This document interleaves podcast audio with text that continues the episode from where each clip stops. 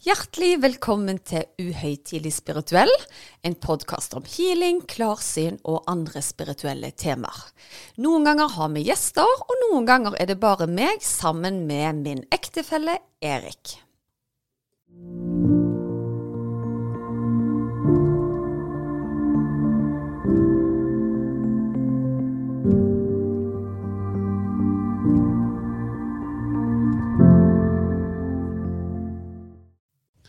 Ja, så sånn, da var vi i gang igjen. Nok ei uke, og nå er jo du med igjen. Ja, jeg har fått en uke velfortjent podkastfri. Det er jo flott. ja. Det var noe med det å styre showet alene. Altså, for det jeg syntes var utfordrende da, var jo at jeg måtte stille spørsmål som jeg sjøl visste svaret på. Ja. så det var litt sånn Ja, hva sier du til det, Torunn? Ja, det var et det, veldig godt spørsmål. Det var et veldig godt spørsmål, ja. Så tenkte sikkert lytterne, jeg vet ikke du det da, eller? men, eh, men, vi klarte det. Teknologien funka sånn noenlunde i hvert fall, og da er jeg veldig happy med det. Ja, nei, men det er jo flott.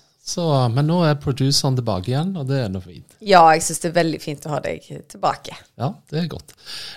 Men uh, hva spennende har du funnet på i dag, da? Vet du hva, jeg har hatt en utrolig kjekk i dag. Og jeg ble intervjuet av en podkast som heter Radical Broccoli. Og utrolig kjekke damer som òg skal være med oss på kurs nå neste uke. Så nå teller vi ned dagene til hele Norge skal bli healere, altså. Det skal bli mm. utrolig, utrolig kjekt. Kanskje det blir den nye Slow-TV på NRK? Det er hele Norge healer? Ja, kanskje Så. det, altså. Nei, de var i hvert fall kjempeivrige. Og nå har de intervjua både meg og Torunn på podkasten sin, så de var jo over seg av entusiasme for det, altså. Ja, men Var de radikale brokkolier òg, eller hvordan er det? Ja, de, de, var det. De har jobba i militæret, sånn som jeg forsto de. Kommer fra en veldig akademisk bakgrunn og lever nå ut sine spirituelle sider, da. Mye mer enn det de har gjort tidligere i livet. Ja, mm. stilig. Så den brokkolien, det er grønnfargen fra militæret, det altså? Ja, Det vet ikke jeg hvor den eh, kommer fra, Erik. Men eh, de var jo kjempeinteresserte i hvordan vi kunne komme i kontakt med, med evnene. Og de var veldig nysgjerrige på dette med guider. Og når jeg da kunne fortelle at i går så fikk jeg kontakt med en helt ny guide, da syntes de jo det var kjempespennende. Ja, stilig. Men uh, når vi tenker opphav og brokkoli eller ei, uh, du har jo uh, fått med ny informasjon om ditt opphav. Kanskje du forteller litt av hva mormor satt på av skjult informasjon? Nei, det som var litt gøy, da, var at dette er jo en liten stund siden, altså, men så har det gått litt i glemmeboka. Og da fant mormor ut at hun skulle drive med litt sånn slektsforskning. Så hun hadde et stort ark på kjøkkenbordet hvor du hadde fulgt ut Dette var mange, mange generasjoner og masse navn og veldig avanserte greier. Og så kikker hun på meg så sier hun, 'Susanne, vet du hva? Det er en av våre slektninger som ble brent på bålet og ble tatt for å være heks.' Og så var det akkurat som at du kikket på meg sånn så Er det du som har kommet i retur? Opplegg. Men det er jo ganske utrolig å tenke tilbake på, for hadde den tiden vært i dag, så hadde jo ikke jeg kunnet leve ut min visjon sånn som jeg gjør nå, da. Jeg kunne jo aldri ha snakket om evnene på den måten jeg gjør. Ja, og Hvor langt tilbake en snakker vi om her? Altså for, jeg vet liksom, Hvis du snakker om, om heksetiden, så var jo det liksom ca. fra 1400- til 1700-tallet. Ja, altså det de sier da, at perioden fra 15 til 1570 til 1680 blir regna som den kjernetida for den store hekseforfølgelsen. Ja. Um, og det var jo faktisk en type kriminalbekjempelse, mente de da, på den uh, tida der. Og det var sånn at hekser, som selvfølgelig kun var damer, de ble da oppfatta som farlige forbrytere og ble dømt for å kaste sykdom og død på mennesker og dyr. Ja, Så var det ikke mange mannfolk som stilte opp i podkast for de Nei, tiden, altså. det var det altså ikke. Men det som var litt utrolig, var at de vanligste anklagene gikk jo ut på at trollfolk brukte svarte magi da, for å lage dårlig vær, blant annet. Og det var deres skyld hvis sjøfolk døde på havet. Ja. Og når sånt skjedde, så mente de at det var fordi at de hadde gjort en pakt med djevelen. Og det kvalifiserte ofte til eh, dødsstraff, da. Ja, Men det er jo det som er litt interessant, for eh, jeg har forstått det sånn at overtro er ganske sterkt innenfor eh, hos sjøfolk, blant annet. Ja, og så kan du jo stille deg spørsmål da at ja, men jeg hadde jo ikke hatt noe å bekymre meg for her, for jeg kan jo ikke påvirke vær og vind. Og jeg driver jo ikke med svart magi. Men det de sier da, er det at eh, i flere land så var òg den hvite, helbredende magien forbudt. Og da var det tortur og både psykiske pressmidler og vannprøver var de rettsmidlene som kunne bli anvendt i den hekseprosessen, da. Og da brente de deg på bålet, rett og slett, fordi de mente du brukte en eller annen form for magi, da, når du skulle hjelpe noen, f.eks. For, ja. for de mente at det var djevelens verk, da. Ja. Nei, men det er jo naturlig. Hvis jeg husker tilbake igjen fra o-fagstimene på, på, skolen, så mener jeg å huske òg at uh, vi snakket litt om at uh, Altså, hva kan du si? Si under jeg vet ikke, Nå bruker jeg bare et eksempel svartedauden. Ja. Så oppsøkte jo folk alle de alternativene de kunne. Om det da var en trollskjæring som kunne blande, uh, blande noen urter eller et eller annet. Og det som gjerne var tilfellet da, det var jo at de fikk jo sykdommen, de òg, og tok den med seg videre. Og dermed òg fikk gjerne anklager mot seg at det var deres magi da som spredde sykdommen. Ja, sant, selvfølgelig. Men det jeg syns er litt sånn spesielt i forhold til Jeg tror gjerne det var noen menn nå som ble liksom tatt for å være trollmenn, da, eller ja. Men det, dette var jo mest damer. Og det skiller seg jo egentlig fra alle typer personforfølgelser, da. Fordi at eh, det eneste du hadde gjort, var at de mente at det var noe uforklarlig rundt deg, da. Ja. Så jeg syns det er utrolig spennende, altså. Men det er jo litt sånn interessant, da, for det at uh, hvordan utviklingen har vært. For i, uh, på denne tiden da, så på en måte anerkjenner du at oi, her er det noen som driver med et eller annet, så de brenner med på bålet. Mm. Og når problemet er løst, og på en måte uh, denne hekseforfølgelsen da slutter, da går på en måte folkehymnen over i at nei, men dette tror vi ikke på, dette er bare tøys. Mens nå er vi litt tilbake igjen på liksom, ok, vi anerkjenner kanskje at det er noe mellom himmel og jord som vi ikke klarer å forklare likevel. Ja, absolutt. Det, det har du rett i, altså. Men det som var litt sånn trist sånn sett, da, var jo det at eh, de mente jo at hekseri gikk i arvo.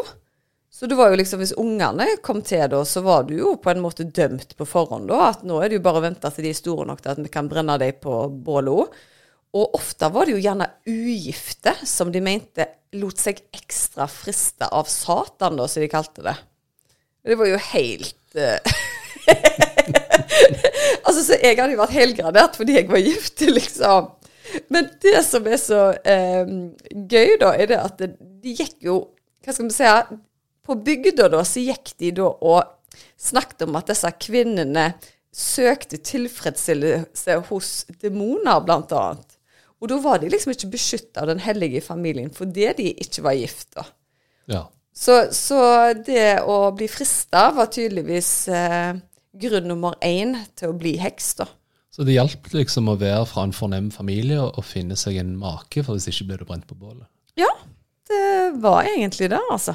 Ja, Det høres jo litt ut som en slags uh, datidens form for hakkekylling. ja, nei, vet du hva, jeg syns det er meget spesielt, altså.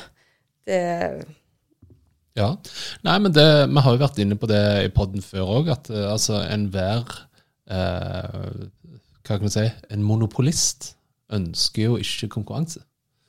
Uh, og det er jo diskusjoner om hvem sto liksom i ledetog med liksom denne heksebrenningen. Var det kirken, eller var det andre liksom instanser? da?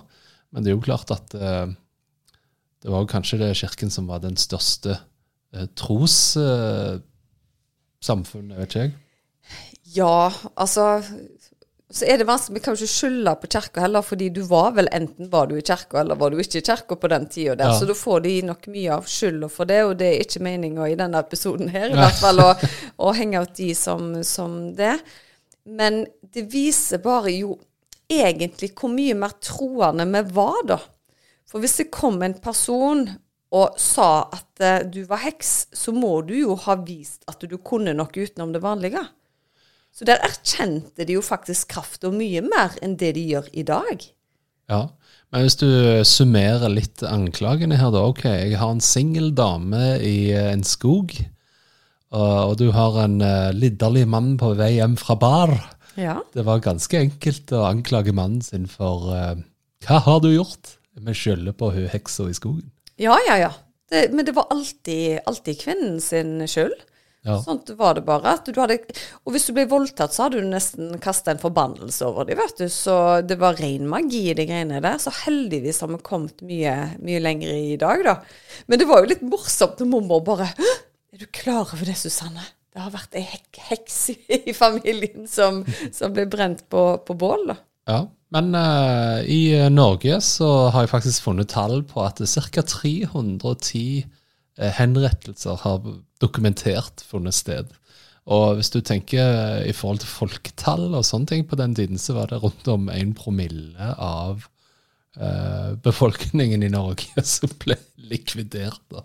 Det er jo helt krise. Ja. Men samtidig, da, når du tenker ok, det var jo ikke så himla mange egentlig i antall, og så har jeg funnet ut at det var ei i min slekt som, som faktisk var en av de. Det er ganske alarmerende, altså. Ja, nei, det er jo det. Så, men uh, nå viser det seg her at Tyskland var jo det store landet i eh, Europa da, så, så henretta ja, 25 000 personer. Og i andel av en eh, befolkning på 16 millioner, så er jo det litt over 1,5 promille.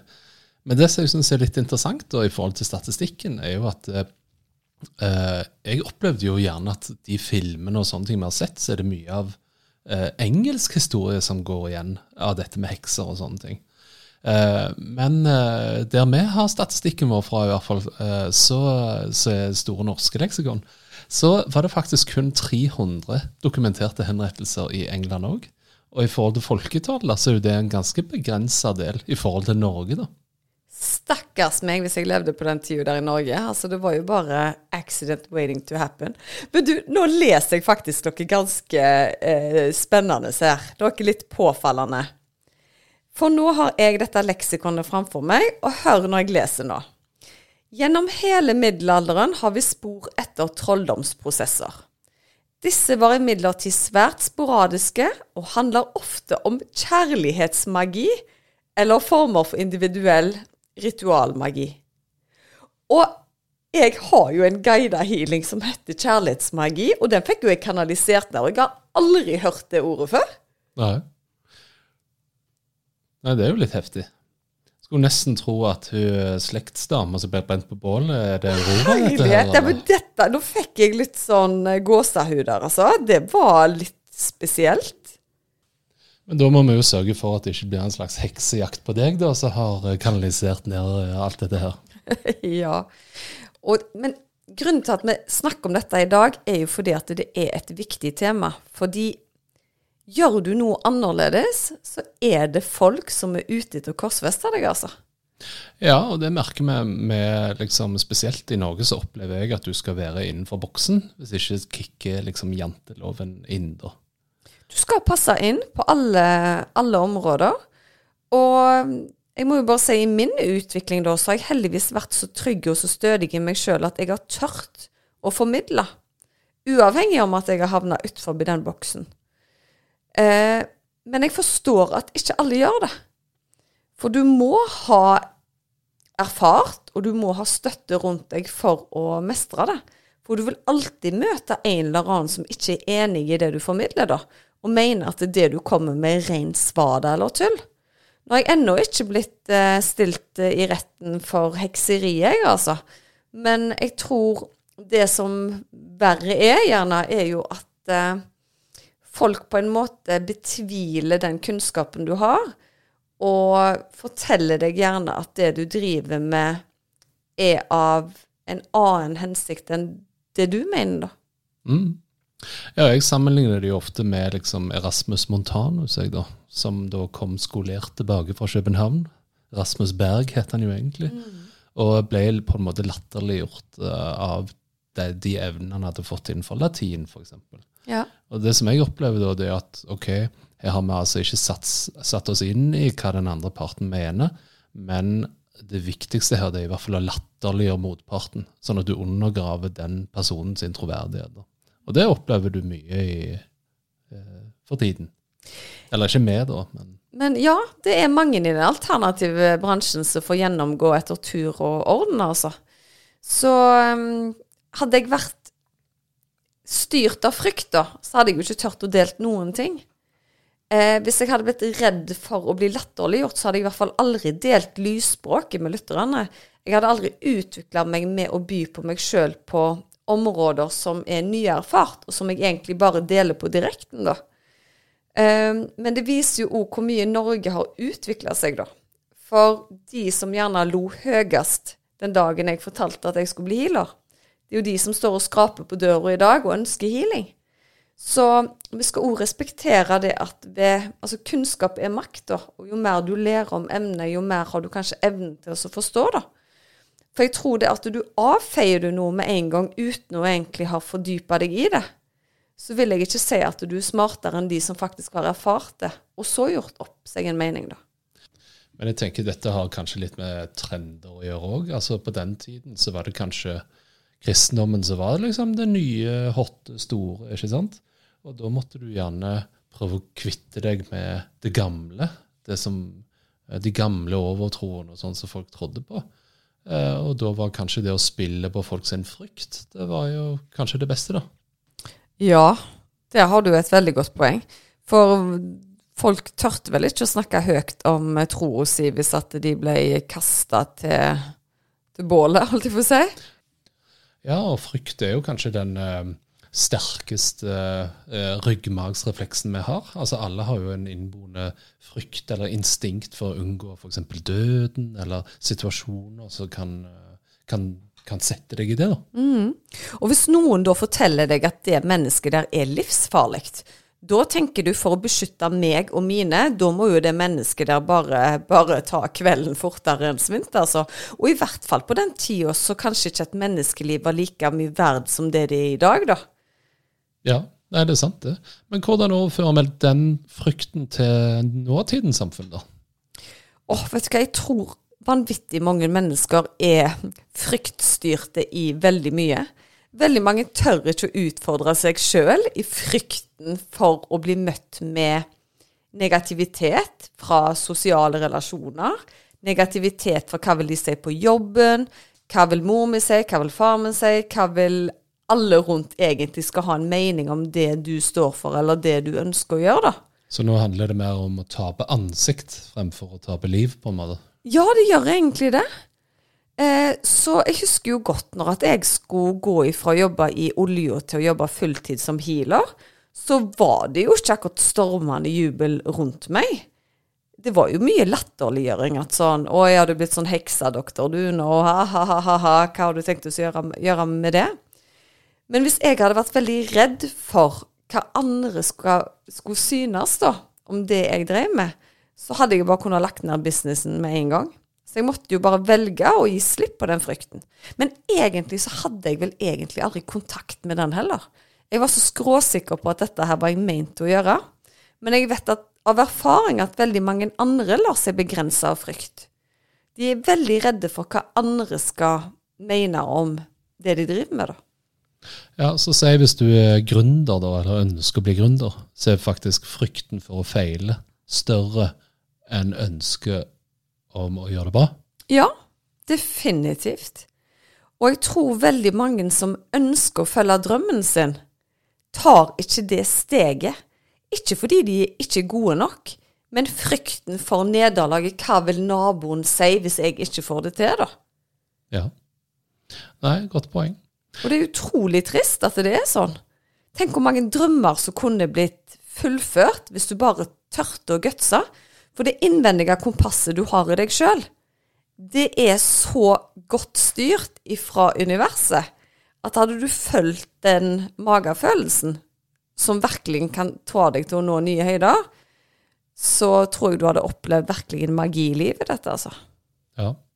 Men må det være en sånn uh, kommersielt uh, farbar vei da, for ideen. Altså, Jeg husker på Var det Oprah Winfrey, så var det en som hadde pantsatt huset for han hadde utvikla et plaster som så ut som en sommerfugl. Ja, altså nå mener jeg det, det er forskjell på å være dum i forretninger og det følge drømmen sin. Sant? Vi skal ikke sette eh, familien sin økonomi i stor risiko for å nå en drøm. Men da har du jo feil fokus òg, vil jeg si. Men kanskje han hadde en vanvittig god idé, og kanskje det hadde nådd lengre hvis at han var mer fokusert på oppgaven, da. For han har jo tydeligvis ikke tatt risikovurdering da, hvis dette her tryner så skikkelig. Nei. Nei, det er sant, det. Men hva, hva, skal folk gjøre da for å overvinne denne frykten? Hvis du går rundt med Du trenger ikke være redd, men du er liksom Nei, jeg kjører mainstream, for jeg er redd for å ja, skille med Gud.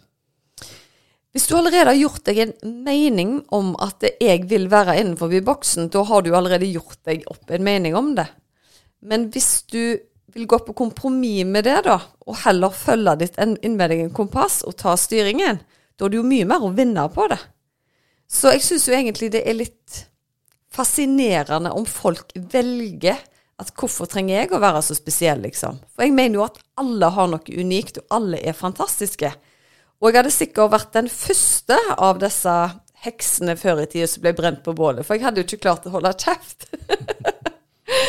så Og det var sikkert så mange på den tida der som virkelig ville mennesker vel. Og når de så at noen var syke og de ikke fikk den medisinske hjelpen de skulle, ja, da brukte de hendene, da, for det var det de hadde å la dem på. Og så skal de bli straffa for hekseri. Altså For meg er jo det Ja, jeg kan ikke sette meg inn i det engang, altså. Men Erik, visste du forresten Dette her er som et tungt hjerte, jeg må si, altså. Men det pågår faktisk heksejakt den dag i dag. Altså skikkelig det, det samme som vi drev med for en evighet siden, liksom. Ok, det var jeg ikke klar over. Nei, og forskere de regner med at det er drept like mange anklagede hekser i Afrika i 50-årsperioden 1956 til 2006 som det ble brent i den europeiske historien. Oi. Det var litt av noen tall. Ja, det er helt grusomt. Og det står òg at i Kamerun så har de store problemer med at kvinner anklages for heksekunst i dag. Og i Nigeria er det faktisk en kristen predikant som heter Helen Ukpabio. Og hun mener at barn ofte kan bli eh, besatt av sånne demoner. Så hvis de griner mye om nettene og får feber og sånn, så mener hun at de er besatt av demoner og burde egentlig bli tatt av dage. Og dette er et menneske som lever i dag. Og hun har til og med lagt filmer og sånn hvor hun sprer dette budskapet i det landet, altså. Ja, nei, det så du skulle jo tro da at dette her var en sånn historie vi nesten Kan ikke si jeg kan le av, for det er jo til skrekk og advarsel. Ja. Men det å vite at det faktisk skjer i dag, ja. andre steder i verden Og her sitter vi så fritt og snakker om krafta, og at det er en universell kjærlighetskraft som bare vil folk godt. Ja. Og så er det noen som truer med det onde. At det er bare utrolig trist, altså. Ja, men jeg føler jeg begynner å se et lite, uh, lite Hva kan jeg si, et lite mønster her, da. For det at uh, Nå skal jeg ikke stigmatisere altfor mye, men hvis du tar under ganske enkle forutsetninger her, at uh, du gjerne har en tid i vårt samfunn som folk gjerne ikke hadde formell utdannelse, de hadde ikke på en måte fått tillært seg evnen å resonnere og stille seg kritisk til ting. da. Um, tilsvarende som du gjerne har enkelte steder enda i Afrika. Mm. Uh, og da er det kanskje lettere å spre på en måte negativitet rundt dette her da, for folk som mener annerledes. Mm. Og hvis du har lite fra før, uh, så bruker du gjerne de evnene du har, for å få penger til deg og din familie. Og hvis da f.eks. du er syk og går til en medisinmann, og du donerer noe til vedkommende, og du uh, fortsatt ikke blir frisk, så kan det jo fort være at du påstår at vedkommende er en svindler, da. Ja, helt klart. Og i sånne tilfeller der så er det jo helt åpent at det må bli debatt om det. Men det som jeg syns er skremmende, er jo når de involverer unger og sier at den uh, lille babyen der er besatt av en demon, så den må bli tatt av dage, liksom. Det er jo helt crazy. Ja. Nei, det er sant, det. Mm. Men det sier jo kanskje litt om reisen mennesket har hatt òg, rundt menneskeverd og, og, verdien av et liv, da. Mm. Det er helt sant, altså. Det, så Vi må jo være enige, Erik. Vi er veldig glad at vi ikke lever under sånne forhold. Nå skulle vi si tilbake i tid, men at vi lever i Norge, og hvor vi kan ytre oss fritt, og hvor vi kan dele kunnskap om de opplevelsene vi har, da. Ja. Og eh, med det så tenker jeg vi kan egentlig runde litt av med at eh, et lite formaning fra økonomen. Du har verdi, så sett pris på det. Mm. Tusen hjertelig takk for at dere lytta på denne podkasten i dag. Ha det, ha det. Ha det.